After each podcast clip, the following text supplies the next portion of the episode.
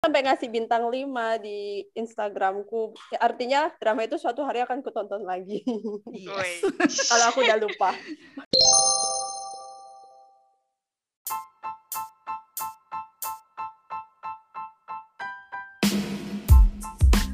Halo pendengar semua, kembali lagi di podcast Drakor Class. Sekarang udah weekend nih, jadi waktunya Drakor Class udara lagi di podcast. Hari ini di hari Sabtu, saya ditemani oleh kakak-kakak classmate yaitu ada Kak Rin. Annyeong Kak Risna. Annyeong, sahabat Drakor Kelas. Hai hai, apa kabar kakak? Baik. Dan satu lagi ada Mbak Asri. Halo Mbak Asri. Halo, selamat siang, pagi, sore. Ya, kapan aja kalian dengerin ini ya. Iya. Nah, di episode podcast kali ini kita mau bahas drama yang sebenarnya udah tamat dari bulan lalu kali ya. Tapi menurut kami itu masih menarik untuk dibahas terutama di episode terakhirnya.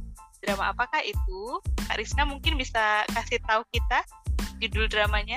Drama Oh Master atau judul lainnya Oh My Lady Lord. Nah, ya betul. Nah, jadi eh, aku cerita sedikit kali ya tentang apa namanya eh, sinopsis dari drama Oh Master ini. Mungkin ada teman-teman yang belum nonton gitu kan, terus pengen kepo-kepo ini drama apa sih yang bakal kita omongin gitu kan.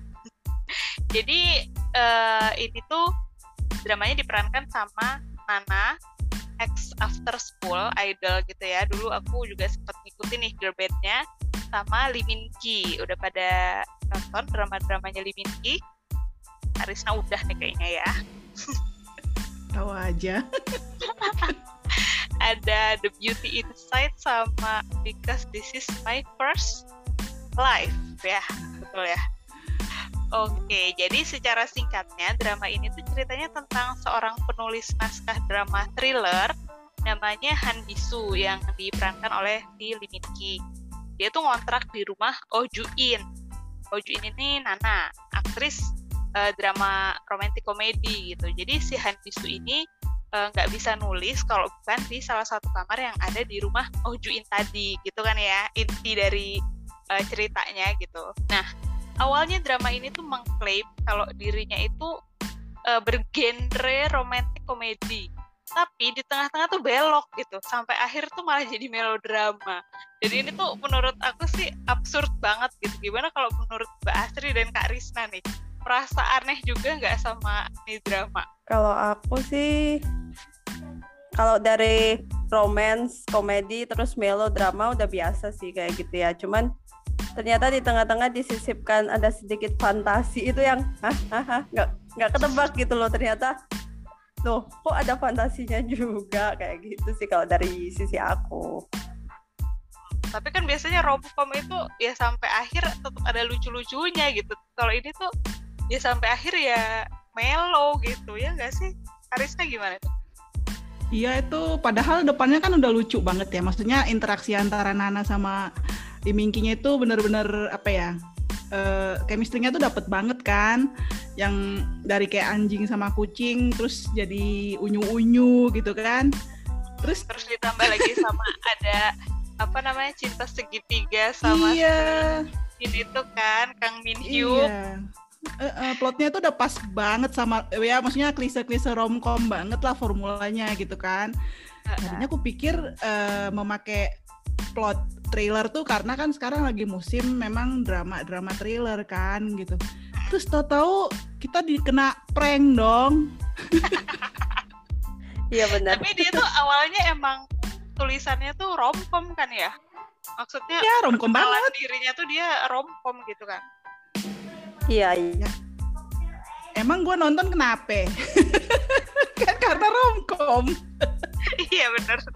Tapi sebenarnya drama ini ya melo dibilang melodrama nggak sedih-sedih banget sih. Karena kayak di akhir itu dia diceritain mereka itu setelah si Nananya tahu kalau si siapa Lee Min Ki-nya mau menghilang itu mereka jadi kayak tambah romantis gitu. Jadi bukan yang malah sedih-sedih nangis-nangis yang kayak drama apa sih zaman dulu kala itu Endless Love tuh setelah tahu ceweknya Gitu ya. ceweknya sakit kan mereka jadi yang aduh melo nangis nangis itu. Sedih kalau ini mah enggak sih tetap mereka tertawa tertawa menikmati hari bersama gitu kan jadinya romantisnya tetap dapat gitu kalau menurut aku sih. Iya setuju. Nah, terus uh, ini kalau aku pribadi nih ya, aku tuh sebenarnya drop nih di episode 9 atau 10 karena uh, ya itu kok ini kayaknya nggak uh, konsisten gitu. Aku kan gak suka ya drama-drama yang sedih-sedih gitu kan, apalagi ibunya juga dicerita itu sakit terus tinggal berapa bulan lagi meninggal gitu karena habis itu si isunya sendiri juga tahu-tahu udah menghilang-menghilang uh, transparan-transparan gitu gitu kan Nah, uh, kalau aku sendiri kan itu sempet drop dan akhirnya nonton lagi karena mau podcast ini kan. dan kalau misalnya uh, dan ternyata uh, drama ini memang ratingnya sempet yang jatuh banget gitu kan kak ya. Kita baca yeah, berita dive, waktu itu. Dive banget. Uh-uh. Merosot. Nah mungkin banyak yang mikir kayak aku juga gitu. ini drama what apa sih gitu kan. Kalau Risna sama uh, uh, Kak Risna sama Mbak Asri ini kenapa nih memutuskan untuk maju terus nonton sampai episode terakhir.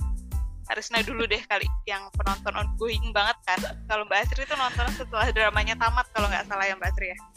Iya betul aku habis komplit aku baru nonton. Kalau sebel tapi tetap maju terus itu karena ya emang penasaran sih kayaknya gimana nih akhirnya dia beneran meninggal menghilang atau cuman prank doang ternyata dia hidup gitu kan nah itu sebenarnya aku jadi penasaran di situ soalnya kan masih abu-abu kan kenapa tiba-tiba muncul si siapa sih berbaju putih itu entah dia malaikat entah dia siapa kok bisa bikin dia yang harusnya mati jadi hidup gitu kan. Siapa sih orang ini? Kayak aku gitu mikir kan, gitu. iya Dan, terus habis itu? Nah terus uh, ini juga nggak sih? Sebenarnya tuh di uh, endingnya itu juga agak-agak ngeprank juga. Aku sempet kayak uh, yang apa namanya sebelum si Han Bisunya menghilang itu kan ada ya si Nana nanya gitu kan ini kamu beneran hilang apa enggak? gitu kan. Terus uh, apa namanya si Han Bisunya tuh ngomong aku tahu kok gimana bakalan menghilang. Terus dia cerita yang ternyata uh, pas dia ngobrol sama si malaikat berbaju putihnya itu tuh gak jadi 49 hari tapi 49 tahun gitu. Ada oh, kan ada ya, kan ternyata dia dia hanya berhayal apa? Iya alternate ending gitu itu kan. dia bikin fanfiction sendiri ceritanya. Iya bener. Itu aku sempet kena prank kayak ah ini sama ini, tapi bagus nggak sih kayak gitu?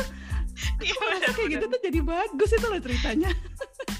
Iya masih nyisip nyisipin komedinya di di antara dia ketika mau hidup dan mati gitu ya.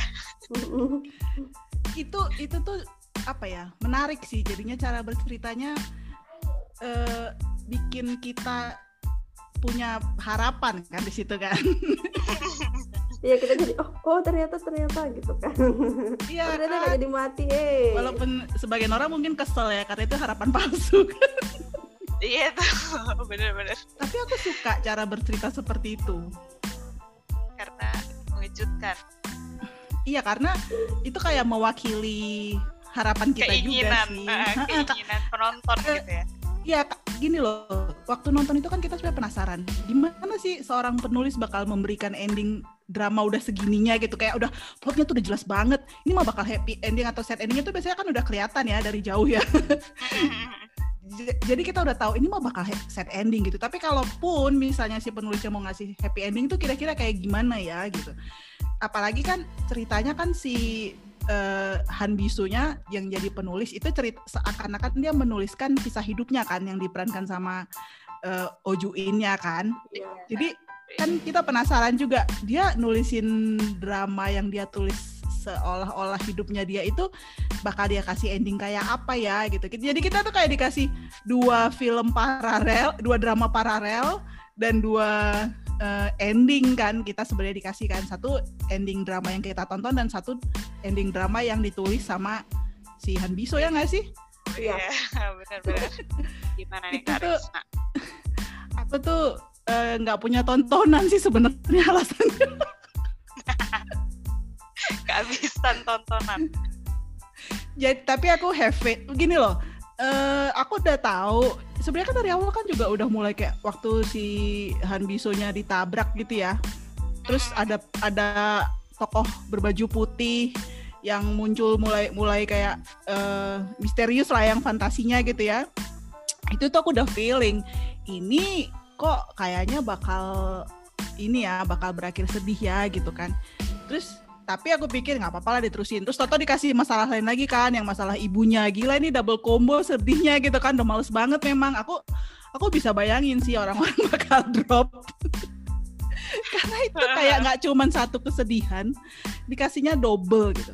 Tapi aku selain nggak punya tontonan sejujurnya nggak punya tontonan aku ngerasa eh, dramanya itu banyak pelajarannya gitu loh. Karena apa ya kayak mereka tuh kayak melihat uh, ya lu harus prepare gitu loh mau mau lu besok udah nggak ada lagi atau mau lu besok masih ada yang gitu-gitu tuh terutama dari sisi ibunya sih yang mempersiapkan segala sesuatu yang sampai dia bikin kayak apa pemakaman ketika masih hidup yang gitu tuh menarik banget gitu loh. Ini ini kita spoiler aja ya semuanya ya karena kan tahu udah selesai ya. kita juga mau bahas ending soalnya kan.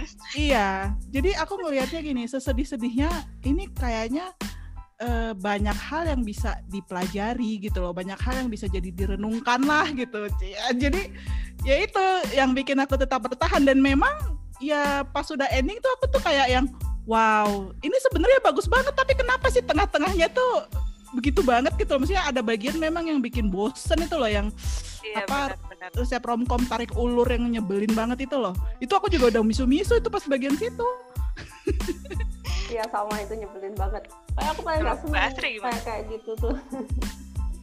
ya kan? Hmm. Kalau Mbak Astri gimana nih? Kenapa ya itu tadi udah sebel tapi maju terus nih nonton sampai tamat. terus kalau uh, kan kayak gitu. yang bikin yang bikin ini apa nih? Uh, yang mengganjal mungkin dari drama ini nih kayaknya ini kurang pas deh gitu apa ada gak Mbak Astri atau Karin? Coba hmm. dulu aku pengen Kalo, kalau mengganjal tetap sih kalau buat aku ya. Uh, si entah si tokoh berbaju putih itu menurutku aneh gitu disisipkan dalam cerita mereka. menurutku ya. Dia tuh kenapa maksudnya kalau dia kan diceritakan dia itu bapaknya dulu kan. Bapaknya yang sudah meninggal. Tapi kenapa? Dia itu hanya roh tapi bisa membuat si Han Bisut gak jadi mati gitu. Dia punya kekuatan apa? Dia kan hanya manusia yang sudah meninggal. Itu aneh menurutku. Ini kan sama kayak itu jadinya sama kayak Hello It's uh, Hello Me. Nah aku belum nonton tuh kak jadi aku juga Nggak maksud aku yang Hello Me itu juga aduh jadi spoiler Hello Me juga nih gue Cuman maksudku ya itulah bagian fantasi ya yang mana bisa membuat uh, sesuatu terjadi di dunia nyata gitu yang mengu untuk mengubah hidup yang masih hidup gitu. Memang memang nggak masuk akal sih kalau bagian fantasinya. Cuman mungkin aku pikirnya kayak... tuh si bapaknya tuh minta tolong ke dewa gitu. Jadi supaya anaknya tuh bisa merasakan cinta jelas sebelum dia ah, mati ah, iya, gitu kan. iya. ya tapi itu nggak diceritain kan jadinya kayak Enggak menggantung. Jadi kita sebagai penonton berasumsi sendiri-sendiri. Iya betul betul. It, itu tuh kayaknya kalau aku nangkepnya gini loh, bapaknya kan nggak sempet uh, melamar ibunya kan. Maksudnya uh, bapaknya kan kecelakaan di hari dia mau ngasih bunga ke ibunya kan sebenarnya. Jadi itu kayak mungkin kayak penyesalannya lah. Makanya dia berusaha supaya anaknya nggak mengulangi kesalahannya gitu loh. Kayaknya. Iya sih emang ceritanya gitu kak. Ya tapi kan dia punya kekuatan apa sampai bisa membuat manusia yang seharusnya meninggal tidak meninggal? Tapi kalau mungkin kayak yang Mbak Ima bilang gitu kan dia memohon kepada dewa ya mungkin sih. Cuma itu kan nggak diceritain jadi gak diceritain. di bagian itu ya. masih janggal. Let's say dia punya karma yang baik lah gitu. Ya, dikasih di grand mungkin itu tersirat kali ya biar penonton nggak bosen. Mungkin ada bagian percakapan dia sama dewa. Bilang lu mau apa? Gue kasih deh gitu. Kalau ya, Karisma gimana nih? Ada nggak ya kurang nih? Yang yang mengganjal ya? Um, ada aja sih pasti yang mengganjal terutama bagian tarik ulur itu aku tuh kesel banget kalau gini loh, lu tuh sama-sama cinta gitu ya. Terus uh, dia bilang aku lebih baik uh, menyakitinya supaya nanti dia tidak mengalami kekecewaan ketika aku benar-benar hilang yang gitu-gitu loh. Kayak ya itu nanti lah, nanti juga dia pasti sedih gitu. Kenapa lu masih hidup udah bikin sedih sih gitu. itu tuh nyebel ngeselin banget tau nggak sih? Iya, ya kesel ya.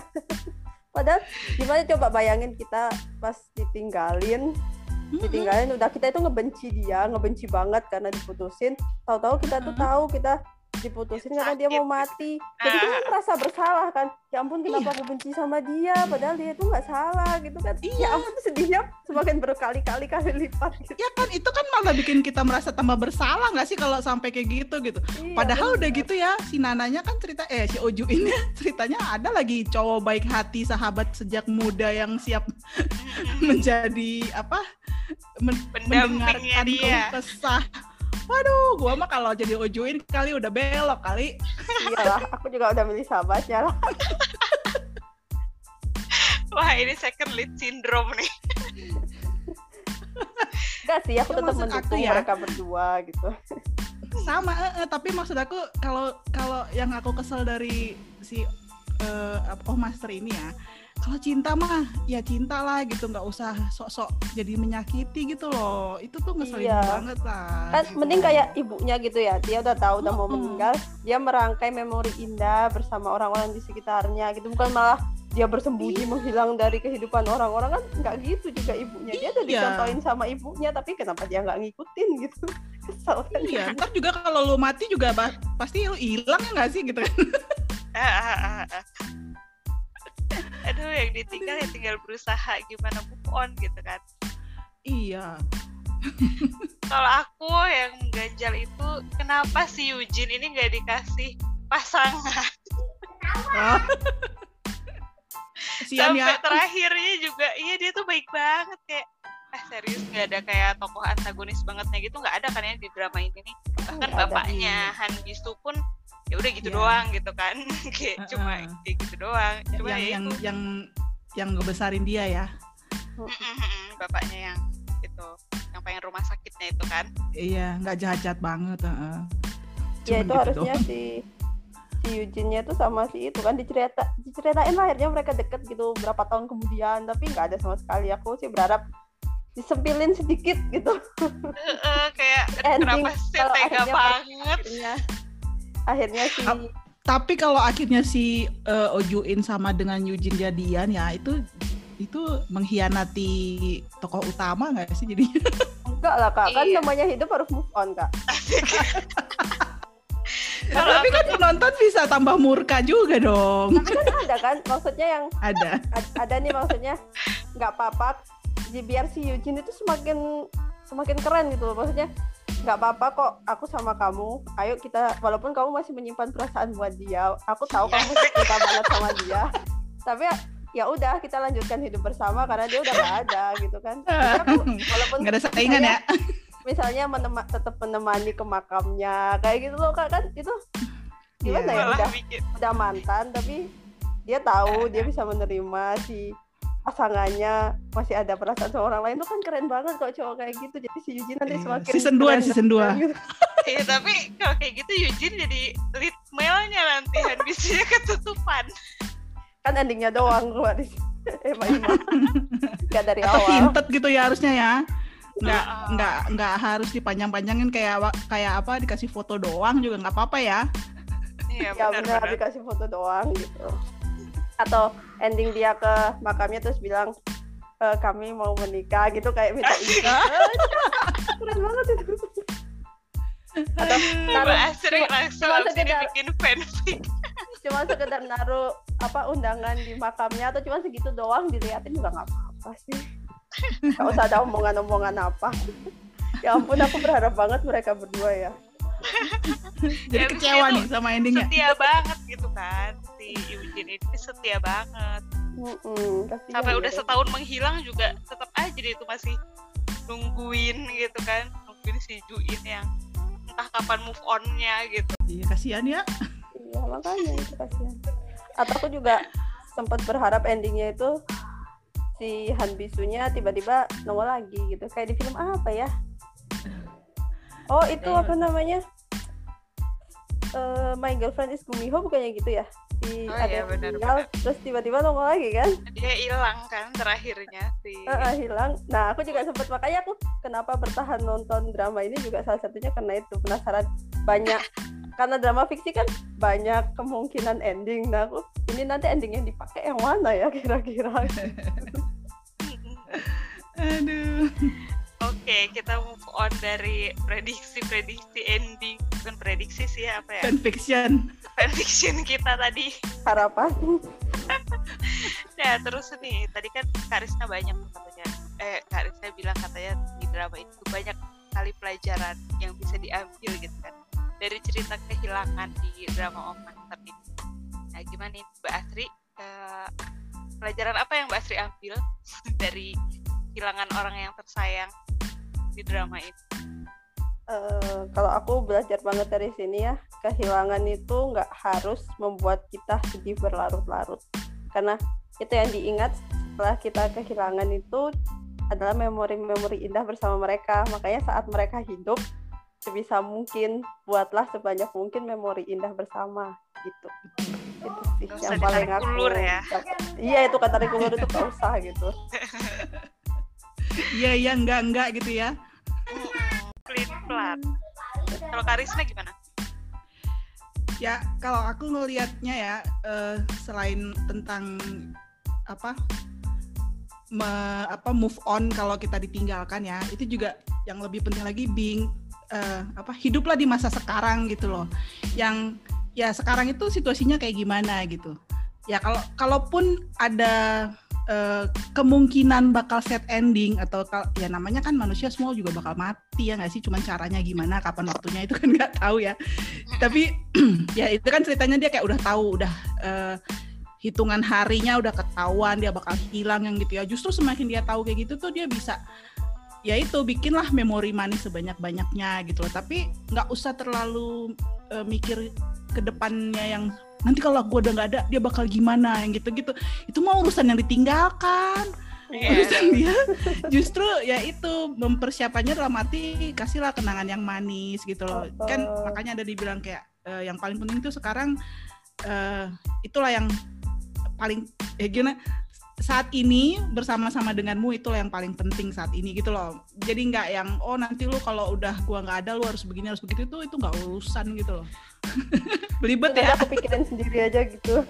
Dia juga nggak akan mikir lagi gitu kan. Si iya yang perginya juga akan mikir lagi. Mm-mm.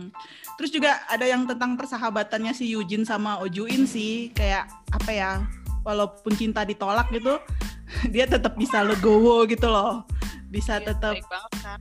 tetap Balik ya, eh, eh, tetap pokoknya gua gua masih tetap mau jadi teman lo yang gitu-gitu loh, nggak jadi jahat atau nggak jadi yang eh udah gue nggak mau kenal sama lu lagi gitu. Karena kan mereka basicnya Ya, kan gitu kan. sahabat kan Sahabat, gitu. Iya, benar. tapi juga bagusnya ya di cerita itu si Oji-nya tegas gitu loh. Nggak yang ngasih harapan palsu juga kan. Kan Iya, dia nggak pelin plan. eh, dia tegas bilang enggak hati gue nggak sama lu gitu. Ya sempet sih ada dia agak-agak. Gue bingung nih gue sukanya sama yang mana kan gitu kan. Tapi kan fair gitu loh semuanya tuh eh, dikasih tahu gitu loh bahwa ini loh gue juga bingung nih sekarang. Jadi kalian harus ya udah cobalah gitu Terus berusaha. Eh, eh, Terus si Eugene tuh baik lagi dia walaupun udah mereka tahu jadian dia tetap berteman. Mereka bersaing kan awalnya. Jadi dia tetap Iya. berteman sama si itu Bisu. Han Bisu. iya itu jadi walaupun fair di dunia nyata orangnya. itu sangat sangat jarang terjadi walaupun aku bilang mungkin ada loh yang kayak gitu gitu ya tapi jadinya ya enak aja gitu nontonnya oh bisa ya kayak gitu gitu ternyata ada yang kayak gitu gitu loh ternyata Dan itu malah makin uh, penonton tuh kayak iya masa iya sih dia tuh baik banget gitu. Itu aku dan gitu-gitu Iya. apa dia tuh terima banget gitu Nah, kan, itu jadi pelajaran. terima banget gitu Kalau Iya. kalau disakiti nggak harus jadi orang jahat. Biasanya soalnya di drama-drama Iya. lain kan sering diceritain kenapa orang itu jadi jahat karena sebelumnya dia pernah beauty disakiti. ya kan Iya. gitu dendam dan lain sebagainya. Uh-uh. Nah, di situ jadi di drama ini kita belajar bahwa sakiti pun kita nggak harus jadi orang jahat, nggak harus berbuat Iya. jahat. Jadi Heeh. Sakiti segimanapun kita itu tetap bisa memilih untuk jadi orang baik. Intinya kan gitu ya kak ya. Iya, betul. Tapi mungkin ada satu lagi kali dari ya ya kebanyakan drama romcom tuh ya biasanya second lead selalu kayak yang telat itu loh nyatainnya. Jadi kayak ya salah sendiri ya. ke mana aja lu selama ini iya kayak kalau lu udah telat ya terimalah gitu kalau lu tuh telat gitu Eh, eh, kita nggak pernah dikasih romcom yang dari awal si sahabatnya udah nyatain duluan gitu kan tapi eh, si pemeran utamanya tuh nggak mau gitu kan tapi tetap temenan Iya. kayaknya belum ada ya belum pasti Kayak telat gitu. selalu selalu kayak tel- sahabatan terus telat menyadari perasaan gitulah selalu formulanya Iya kayaknya. Ada nggak ya? Aku Itu jadi mikir, sama- ada ya?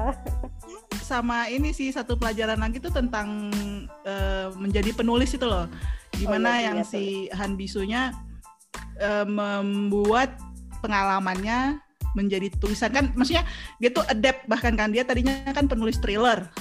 Terus dia eh, dituntut jadi penulis romcom gitu. Terus dia gimana dia berusaha menyatukan keahliannya menulis thriller eh, menjadi penulis apa romcom dengan nuansa thriller gitulah ceritanya kayaknya kan. Yang apa kan tuntutannya si Eugene ya kan bilangnya aku nggak mau kenapa terlalu banyak kekerasan di dalamnya gitu-gitu kan awalnya kan tadinya kan dia bilang "Oh, ngapain sih gitu-gitu tapi akhirnya dia nerima dia bisa mengubah eh, gaya penulisannya gitu loh dari pengalaman hidup sih tapi ya kayaknya dia pengalaman sehari-harinya terus dituliskan jadi itu bisa menjadi pelajaran sih. Mungkin banyak Iya. penulis-penulis di luar sana yang emang kayak gitu. Ya mungkin Iya, kayak Andrea biasanya Hirata yang menuliskan pengalaman hidupnya. Jadi Uh-uh. Laskar Pelangi gitu ya mungkin dia. Iya, jadi kalau mau jadi penulis tuh pertama dari pengalaman hidup tuh modal banget ya.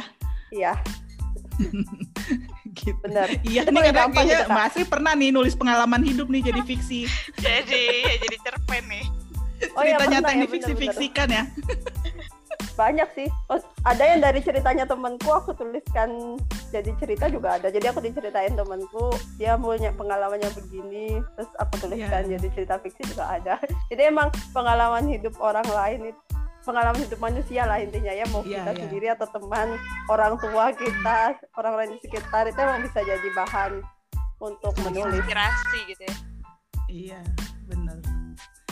Itu sih. Tunggu, ada lagi ada lagi kalau apa ya begitu. kalau dari aku uh, aku mengambil sudut pandang si yang kehilangannya ya si Oju ini ini kan berarti karena aku pernah berada di posisi itu gitu di mana udah tahu nih orang yang mungkin lebih ke Han Bisu kali ya ketika tahu ibunya sakit gitu. dulu aku juga tahu gitu kan eh, bapakku sakit dan diprediksi umurnya tinggal sekian itu tuh emang apa ya yang harus dilakukan adalah mempersiapkan diri biarpun sebenarnya kita tuh gak akan pernah siap gitu kehilangan Yap. orang terdekat dan tersayang itu gitu. Cuman gimana caranya supaya kita ya tadi kata Mbak Asri itu benar nggak berlarut-larut dan eh, tetap punya plan untuk masa depan kita gitu.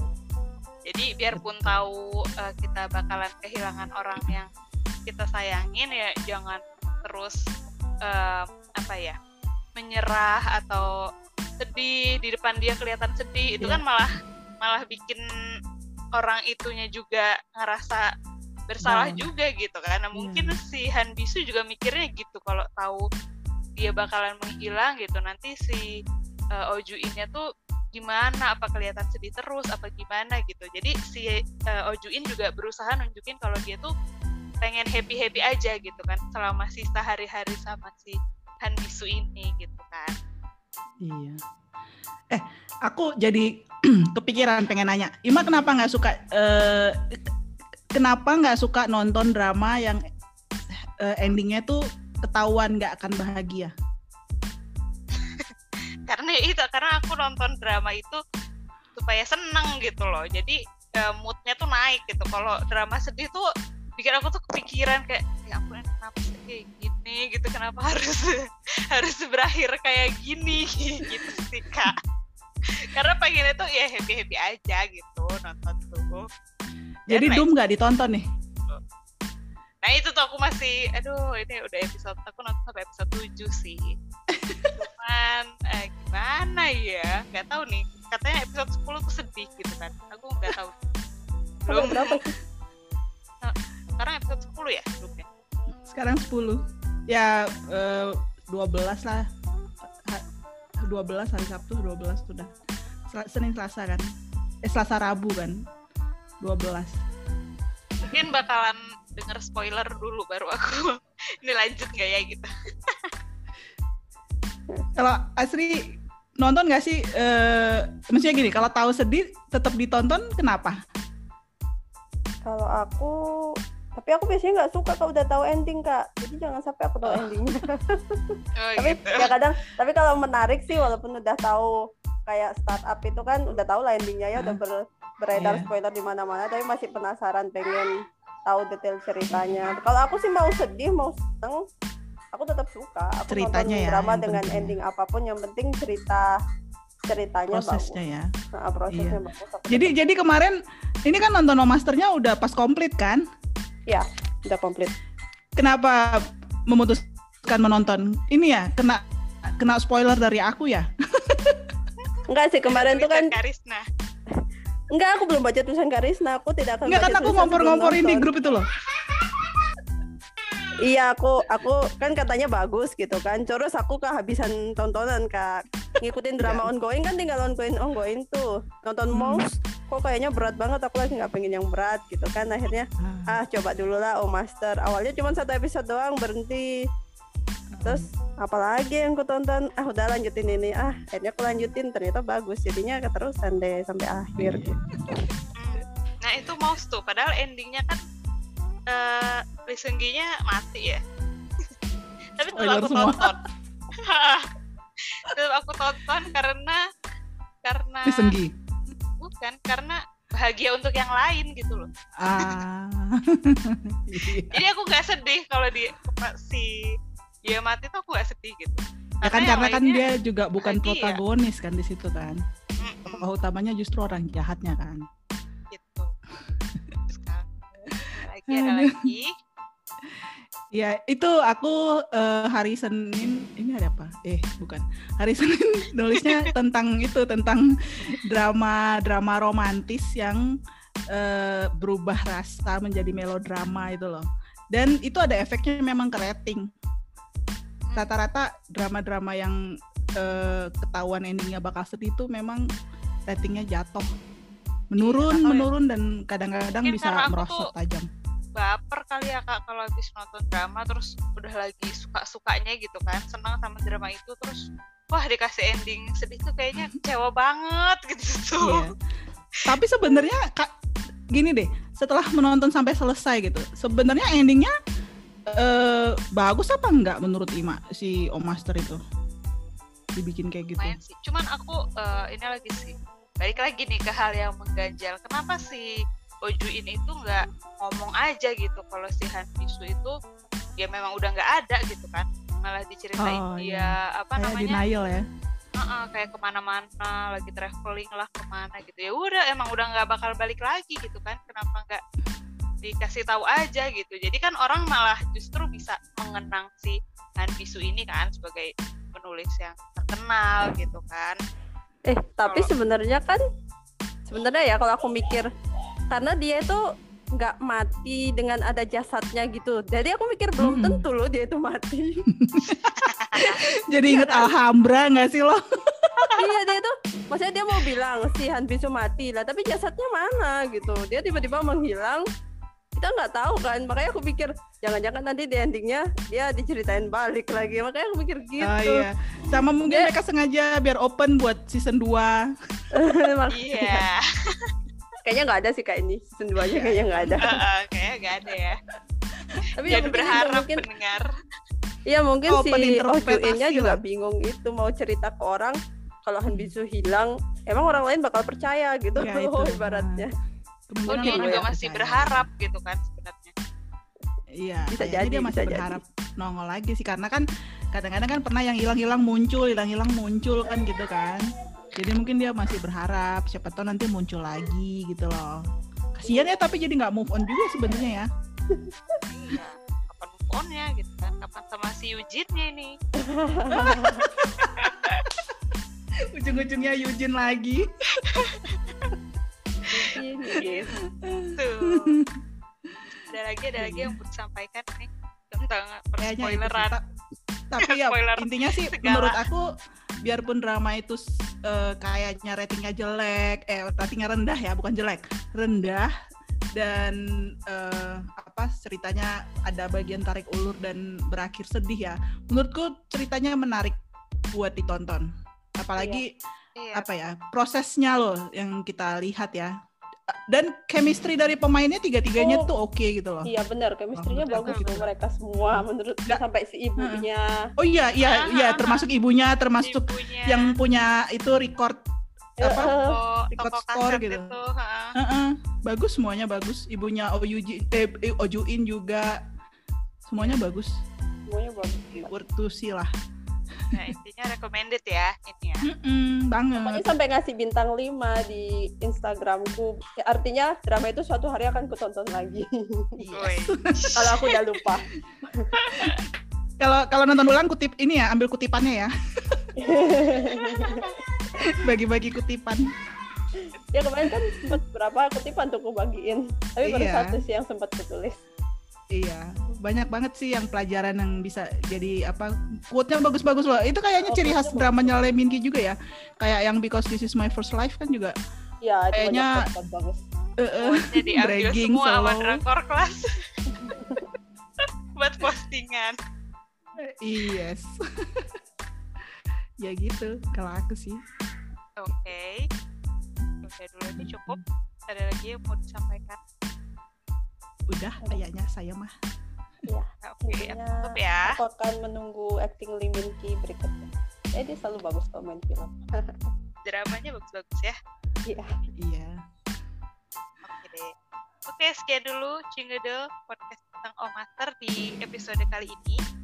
Jangan lupa untuk ikutin terus episode-episode podcast Drakor Kelas yang akan datang. Dan kalau misalnya belum dengerin yang sebelumnya, boleh nih didengerin dulu. Kita selalu heboh kayak gini juga ya kak ya.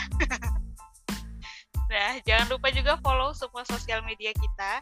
Ada Instagram, Twitter, at Drakor Class, eh, TikTok juga ada, Drakor Class juga. Terus Uh, baca-baca juga artikel kita yang selalu update setiap hari di www.drakorclass.com. Oke, sampai jumpa lagi. Annyeong! Annyeong.